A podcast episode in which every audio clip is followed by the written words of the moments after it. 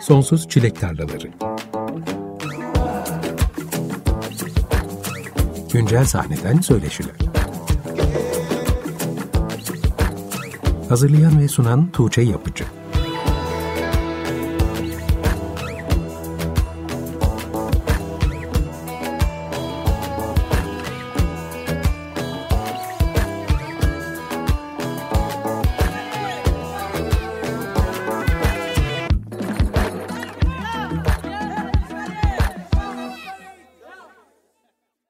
95.0 Açık Radyo'da Sonsuz Çilek Tarlalarından herkese merhaba ben Tuğçe Yapıcı.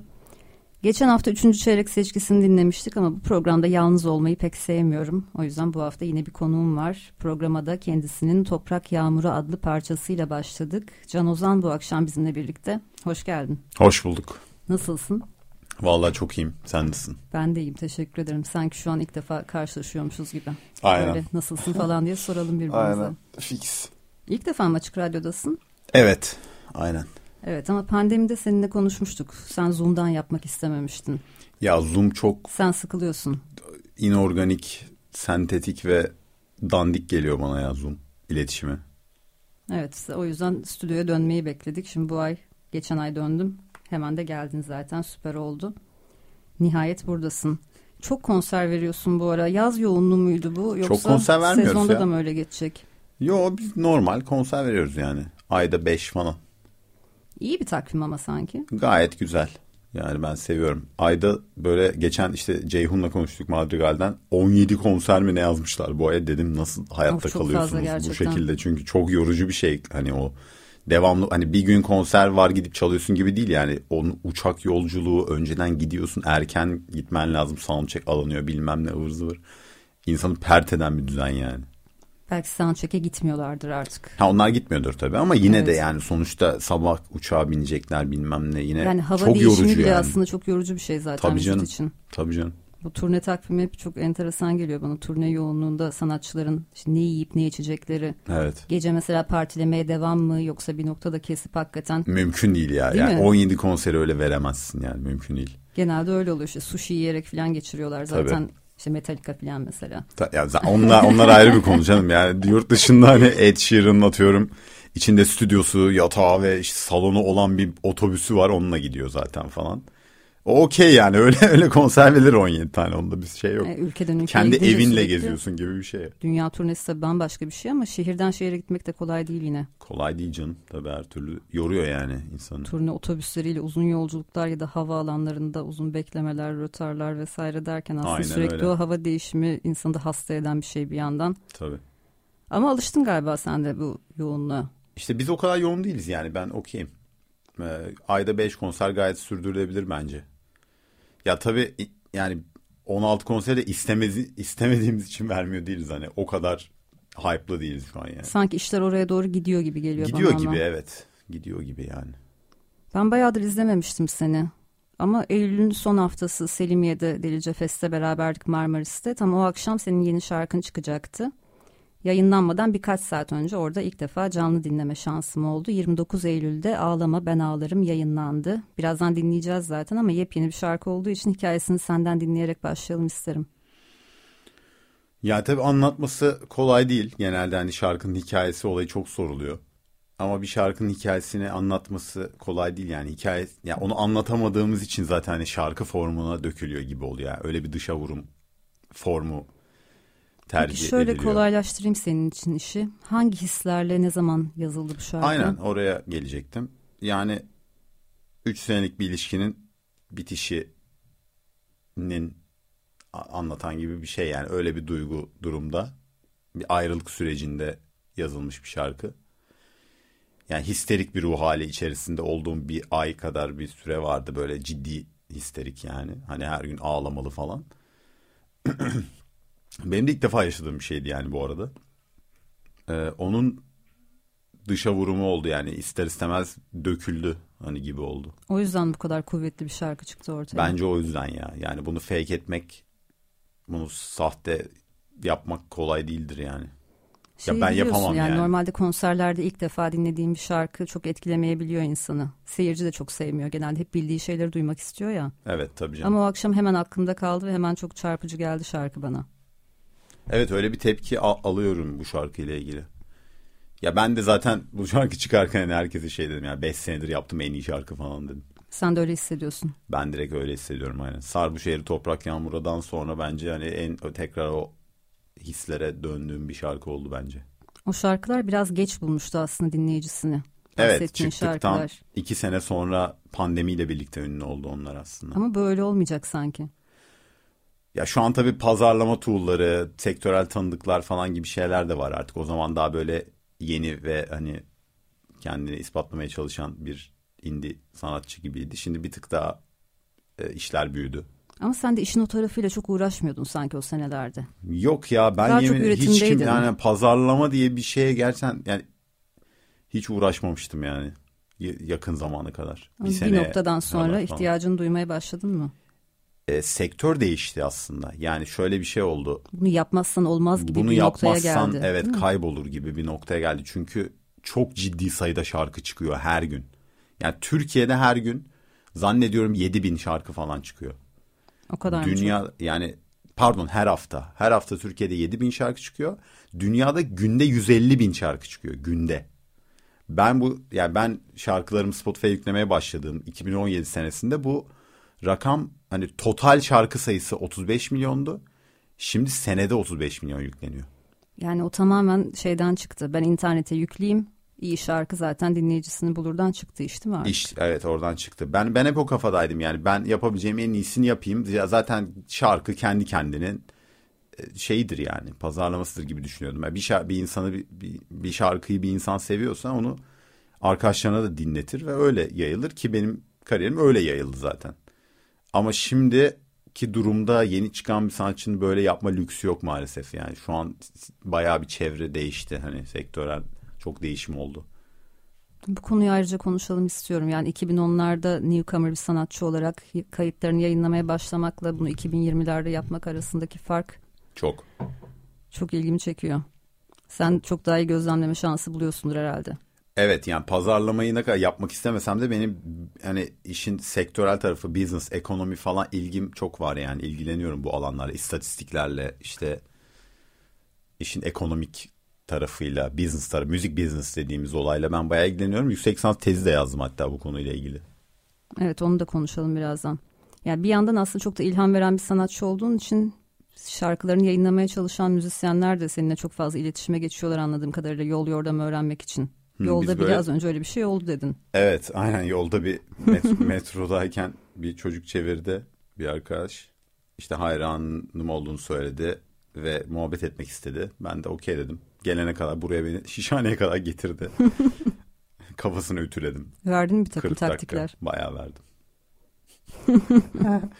ben seminer yapıyorum ya böyle ya, e, seminer değil de hani eve çağırıyorum 10 tane böyle prodüktör, işte şarkıcı, işte sektörden insan falan böyle müzikle ilgilenen bir sürü insanı çağırıyorum 10 10 kişi falan. Sonra yüksek lisans tezimi sunuyorum onlara. Böyle yarım saat, bir saat. Sonra üstüne muhabbet dönüyor işte. Müzik, şarkı yapmak, sektör. İşte sektörde başlarına gelenler mesela. Hani işte ben şu yapım şirketinde bana bunu yaptılar. Bunlar beni böyle yaptı falan gibi. Tek taraflı bir eğitim gibi değil aslında. Karşılıklı besleyici olan bir e, deneyim çok eğlenceli oluyor tabii canım o, o eğlenceli Sen de zaten. çok şey öğreniyorsun Aynen yani ben ne bileyim yoksa onların kişisel yaşadıklarını. Yani kişisel Çok acayip olaylar oluyor. Çok önemli. Tabii. Bu arada Ağlama Ben Ağlarım'ı Kızılcık Şerbeti'nin son bölümünde duydum geçen cuma. Senin daha önce de dizilerde şarkılarını duymuştum aslında. İlk değildi bu. Tabii. Çok izlenen bir dizide yer alması bir şarkının popülaritesini nasıl etkiliyor? çok radikal etkileyebiliyor. Şarkıya bağlı diyeyim. Yani şarkı gerçekten o kitleyle buluştuğu zaman değerini görecek bir şarkıysa ya çünkü bir sürü hani 5 milyon kişiye dinletip kimsenin sevmemesi de mümkün yani bu da oluyor. Ama insanların seveceği bir şarkıysa o zaman çok radikal etkiler alabiliyorsun gerçekten. Shazam'dan hemen bakıyor mu insanlar mesela? Tabii Shazam ciddi bayağı ciddi bir Shazam rakamı gördüm geçen gün ya. Bizim şarkılardan bir tanesi.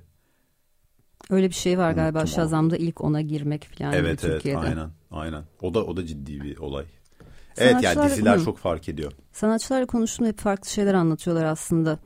En çok dikkatimi çeken şu ama bir şarkıyı bir diziden öğrenip de seni keşfeden bir dinleyici geldiğinde senin diğer şarkılarına bakmıyor genelde diyorlar. Hani bu insan kimmiş, ne yapıyormuş diye.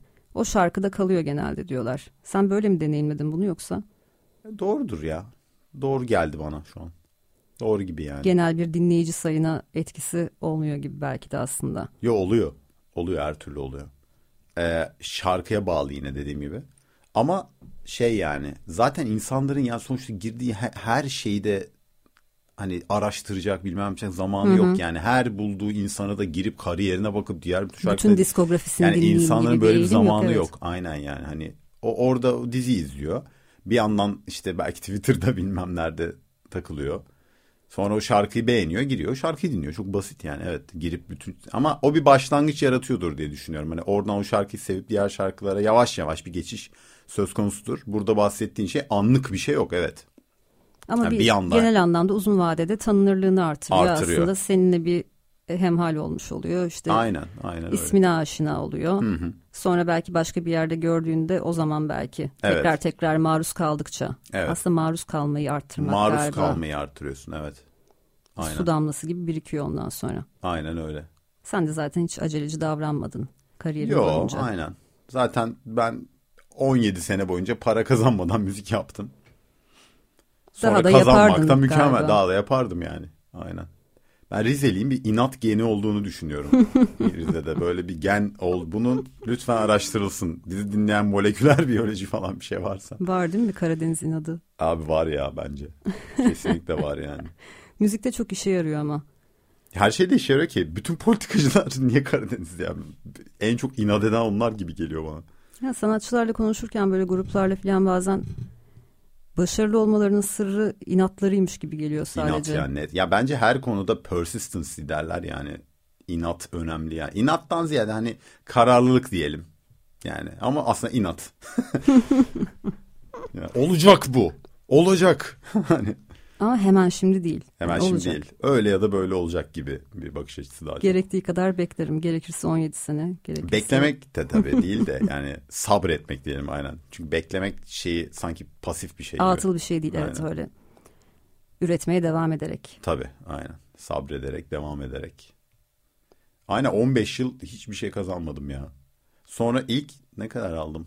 Sedef'in gitaristiydim 75 lira mı alıyordum? Böyle bir şeydi. Aynen. Peyote'de izlemiştim sizi. Aynen. Sen orada mıydın? Evet. O konser kaç kişi vardı? 50 falan. Ne 50'si ya? Yok muydu? 12 kişi vardı o konserde. Nasıl hatırlıyorsun? Bak 50 diye hatırlıyorsun mesela enteresan. E sonrasında Nihil Piraye çalıyordu. O esnada kalabalıktı diye hatırlıyorum. Nil Piraye'nin o zaman daha çok dinleyicisi vardır. Evet ben de o zaman onların PR'ını yapıyordum. O yüzden hatırlıyorum o konseri. Ama öncesinde sizle dinlemiştim. Tabii çok eski. 2015 mi öyle bir şey? 16 falan muhtemelen. 16 falan aynen. Peyote'nin son zamanları. Çok da eski değil de yani. Hani benim kariyerim için eski baya. 75 lira mı almıştın? O gün para almadık ya. O gün ne kadar? O gün para almamış olabiliriz ya. Almadık galiba. Ama güzel konserdi. Tatlıydı yani. Aynen. Ağlama ben ağlarım dinleyelim mi? Dinleyelim. Hikayesini anlatmadın ama aslında biraz anlattın Anlattım ya. ya. Bir ayrılık yani. Anlatmayacağım dedin ama anlattın. Aynen. Dinleyelim hadi. Son olarak söylemek istediğim bir şey yoksa şarkıya geçmeden önce. Ee, Dinleyenlere yok, son yani, bir söz edeyim aynen. falan. Umarım beğenirsiniz.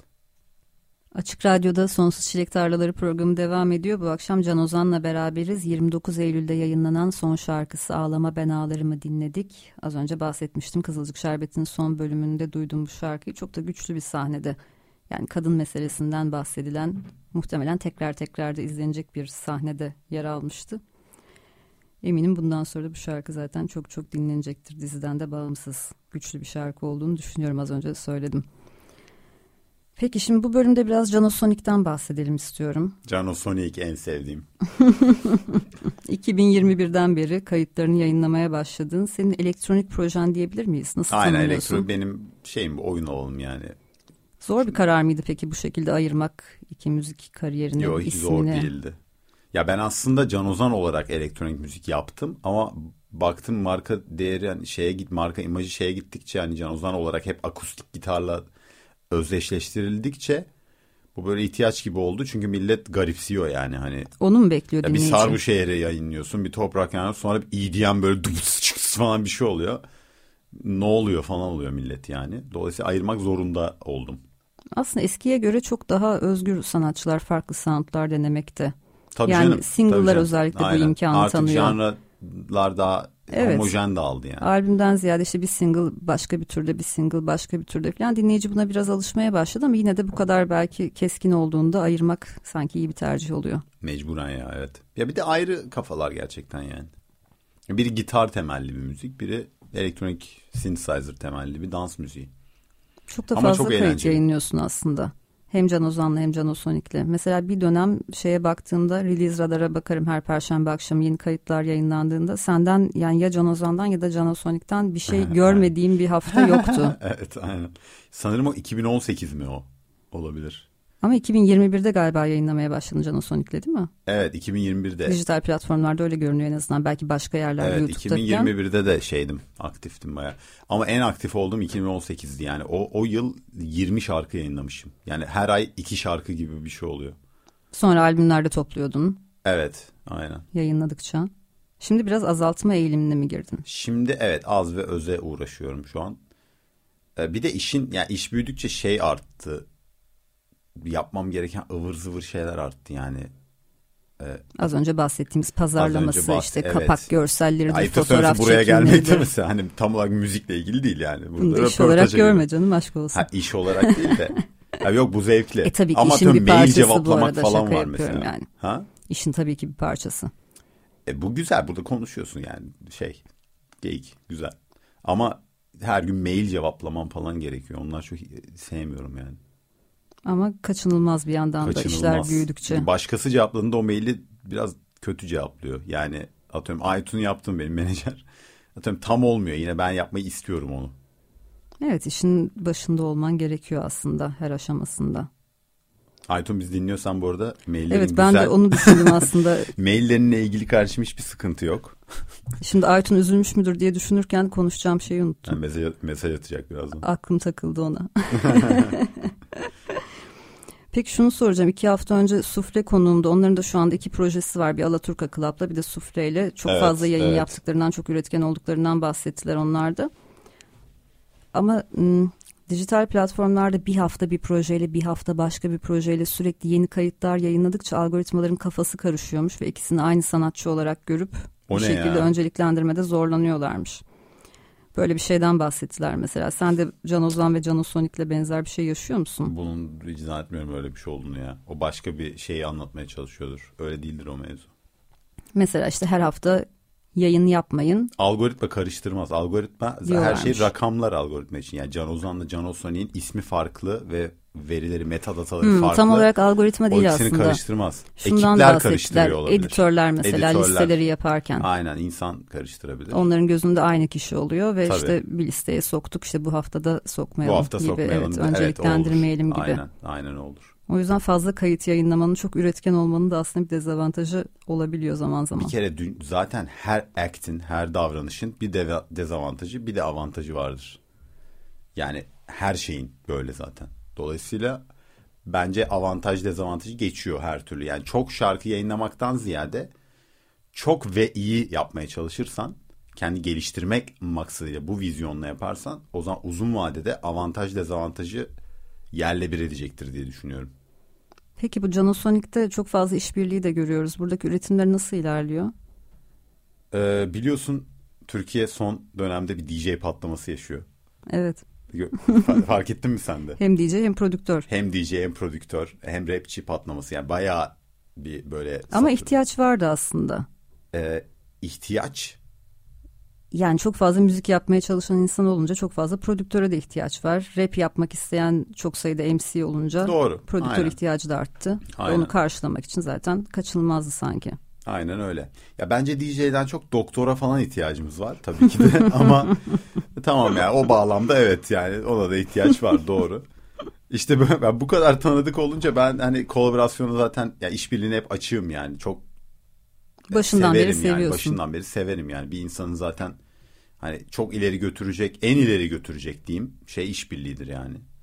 Dolayısıyla win-win hani business seviyorum dediğim oyun teorisi falan seviyorum derslerini izliyorum falan. Hani o tarz şeyleri seviyorum ve birlikte bir şeyler çok daha ileri gidebilecek şeyler başarılabileceğini düşünüyorum. O yüzden müzik yaparken de müziğin güzelliği şu atıyorum birlikte resim çizmek daha zor. Yani sanatsal bakımdan baktığınız zaman müzik birlikte çok zevkli olan bir şey yani yapması. Evet bazı sanatsal eylemler yalnızlığı gerektiriyor. Gerektiriyor yani resim işte örnek ya da heykel yaparken evet. ne bileyim abi biz beş kişi bir heykel yaptık diye çok bir şey duymazsın yani ama hani beş rapçi bir araya gelip şarkı çok var yani böyle mesela. Ya da işte biri prodüksiyonu yapıyor, biri basın çalıyor bilmem ne. Böyle hep herkes bir araya gelip bir şarkı ortaya çıkarmayı çok seviyorlar. Eğlenceli bir şey yani. Ben de seviyorum dolayısıyla. Zaten bütün ömrüm hani etrafımı müzisyenlerle doldurmak istedim. Hep beni yani ait olduğum yer gibi geldi bana. Hep olmadığında çok sıkıldım falan.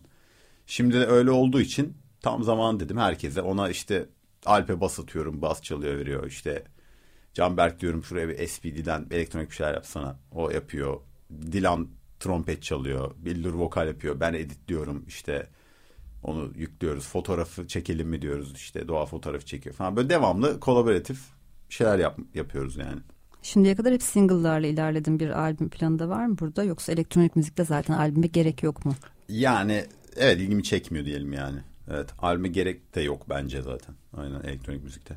Ya yapıyorsan da gerçekten iddialı bir dönem yani iddialı bir şey yapman lazım. Ben de daha elektronik müzikte o kadar iyi değilim yani. Biraz daha deney alanı gibi mi senin için? Henüz. Deney alanı evet. Ya bir noktada uluslararası e, alanda kabul görecek kadar iyi bir şey yapmak istiyorum. Hani altyapı ya elektronik müzikte biraz konuşan mix hani mastering, synthesizer kullanımı falan. Orada biz Türkiye olarak hani Almanya, Fransa, Amerika gibi ülkeler kadar gelişkin değiliz yani maalesef.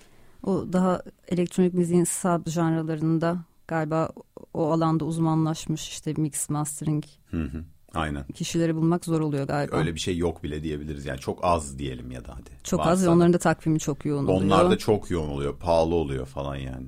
Evet öyle bir boyutu var. Ama Canoson'u hiç sahneye taşımadın şimdiye kadar ama orada yeni bir haber var galiba. Aynen ilk defa çalıyoruz. Yakaladım. DJ Deniz Tekin'le.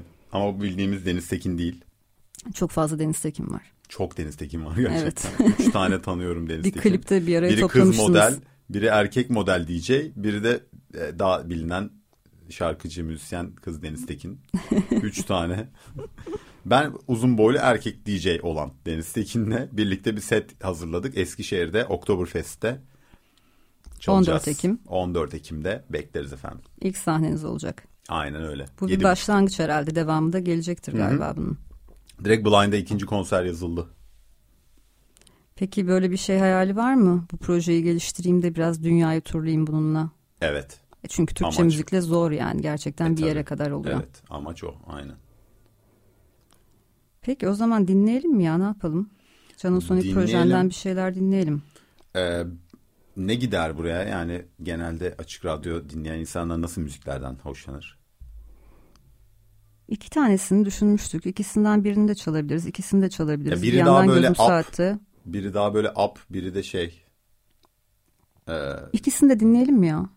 Olur. Hadi ikisini dinleyelim. Hadi dinleyelim. Bir tanesi Canasonic ve Anıl Ulusoy'un So Long adlı parçası. Bu Ağustos ayında yayınlandı. Çok taze hatta son release'in galiba Canasonic projenle. Diğeri de yine Dilan Balkay ve Deniz Tekin'le birlikte yaptığınız Twirl adlı parça. Bu da Temmuz ayında yayınlanmıştı. Yani son iki kayıt, en taze kayıtlar. Şimdi Canasonic'ten gelsin. Sonrasında Can Ozan'la sohbetimize kaldığımız yerden devam edeceğiz. Açık Radyo'da Sonsuz Çilek Tarlaları programındasınız. Bu akşam Can Ozan'la beraberiz ama şimdi dinlediğimiz iki parça Canosonic projesindendi. Can Ozan'ın elektronik projesinin ismi Canosonic. Bu projeyle yayınladığı son iki şarkıyı dinledik. İlki Anıl Ulusoy'la beraber yaptıkları So Long adlı parçaydı. İkincisi de Dilan Balkay ve Deniz Tekin'le birlikte yaptıkları Twirl adlı parçaydı. Bu arada buradaki Deniz Tekin normal Deniz. Evet yani, normal Deniz Normal Deniz şey olan. Hani coverlarıyla ünlü olan e, kız Deniz Tekin o. O bas gitar çaldı. evet. Yani böyle espriler yapacaksın da burada gülmemi kontrol edemeyeceğim diye korkuyordum programdan önce. Ya şimdi, Buraya kadar hani, geldik ya ama. Rütük denetimi olmasa ne espriler yapacaksın Biliyorum da. biliyorum ama mikrofona böyle bir kahkaha patlatmak istemezdim. Dinlerken hiç hoş olmuyor çünkü farkındayım. Evet normal Deniz Tekin'le ve Dilan Balkay'la birlikte yaptıkları Twirl adlı parçaydı diyeyim o zaman.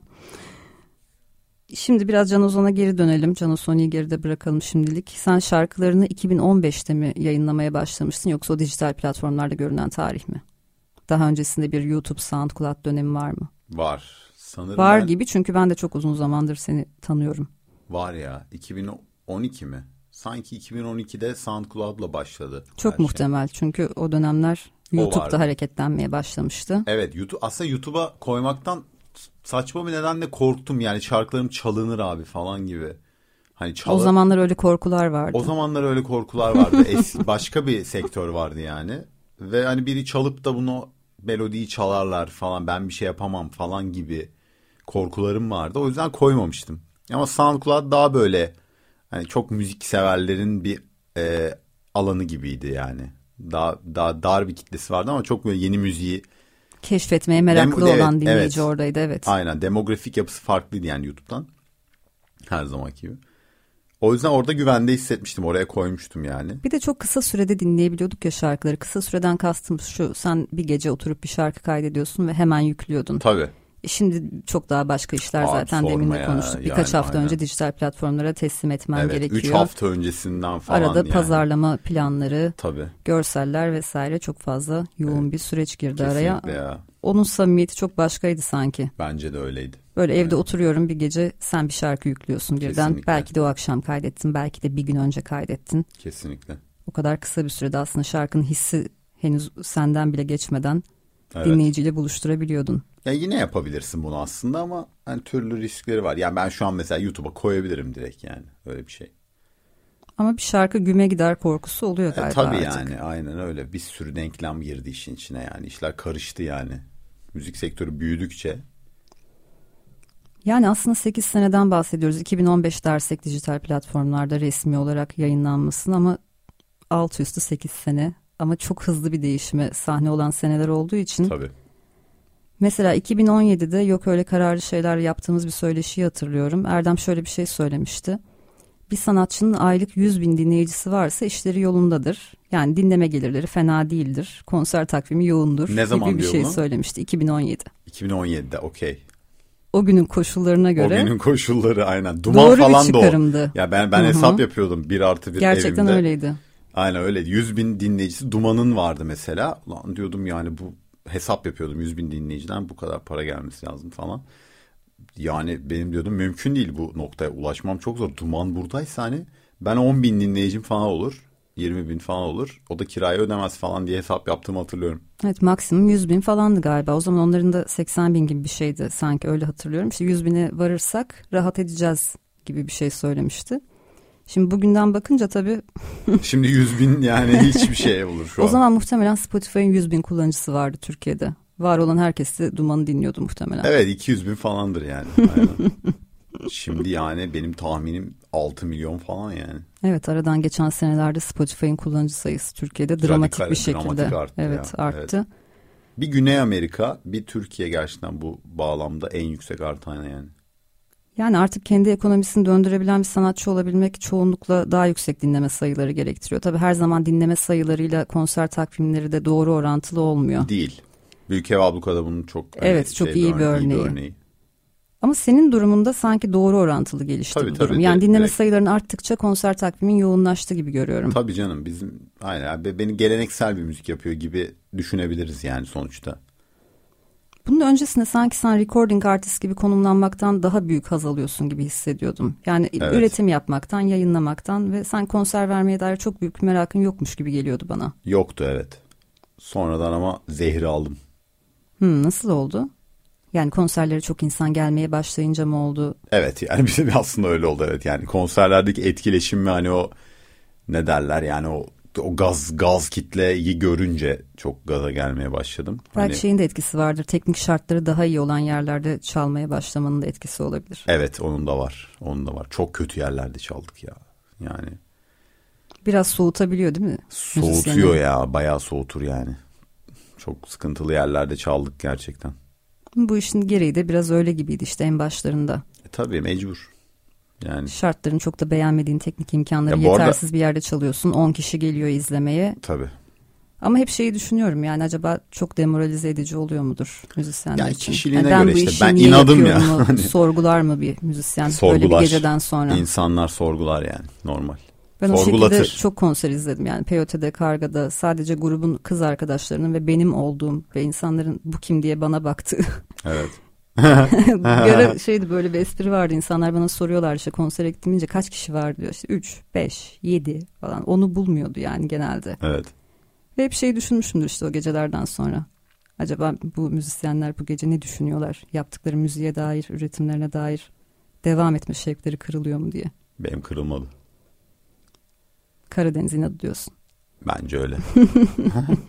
Bu işin sırrı bu mu? Ya bir sırrı var mı bilmiyorum da yani. Bu işin sırrı. bu işin sırrını ben biliyorum ve size söyleyeceğim şimdi. Vardır başka sırları da. Yani sır gibi mi bilmiyorum. Ya böyle birilerinin bilip kendine mason gibi sakladığı Yok, sırlar senin, gibi değil senin de. yaşadığın, senin özelinde deneyimlediğin bir sır. Ee, e tabii yani bende çalışan bir formül var sonuç olarak. Hani başarı bu başarıdan e, aldığım bir ders ve hani bir çıkarım var yani. Ama bu sırrı tabii bilerek olmadı. Bu baktım ben denedim, denedim, denedim. Bir noktada oldu ve geriye dönüp bakınca ha bu yüzden mi oldu acaba falan dediğim şeyler var. Ama bu sır bana özgü yani. Hani Evet. başkası bunu taklit ederse o olma garantisi yok Çalışacak diye bir şey yok. Aynen.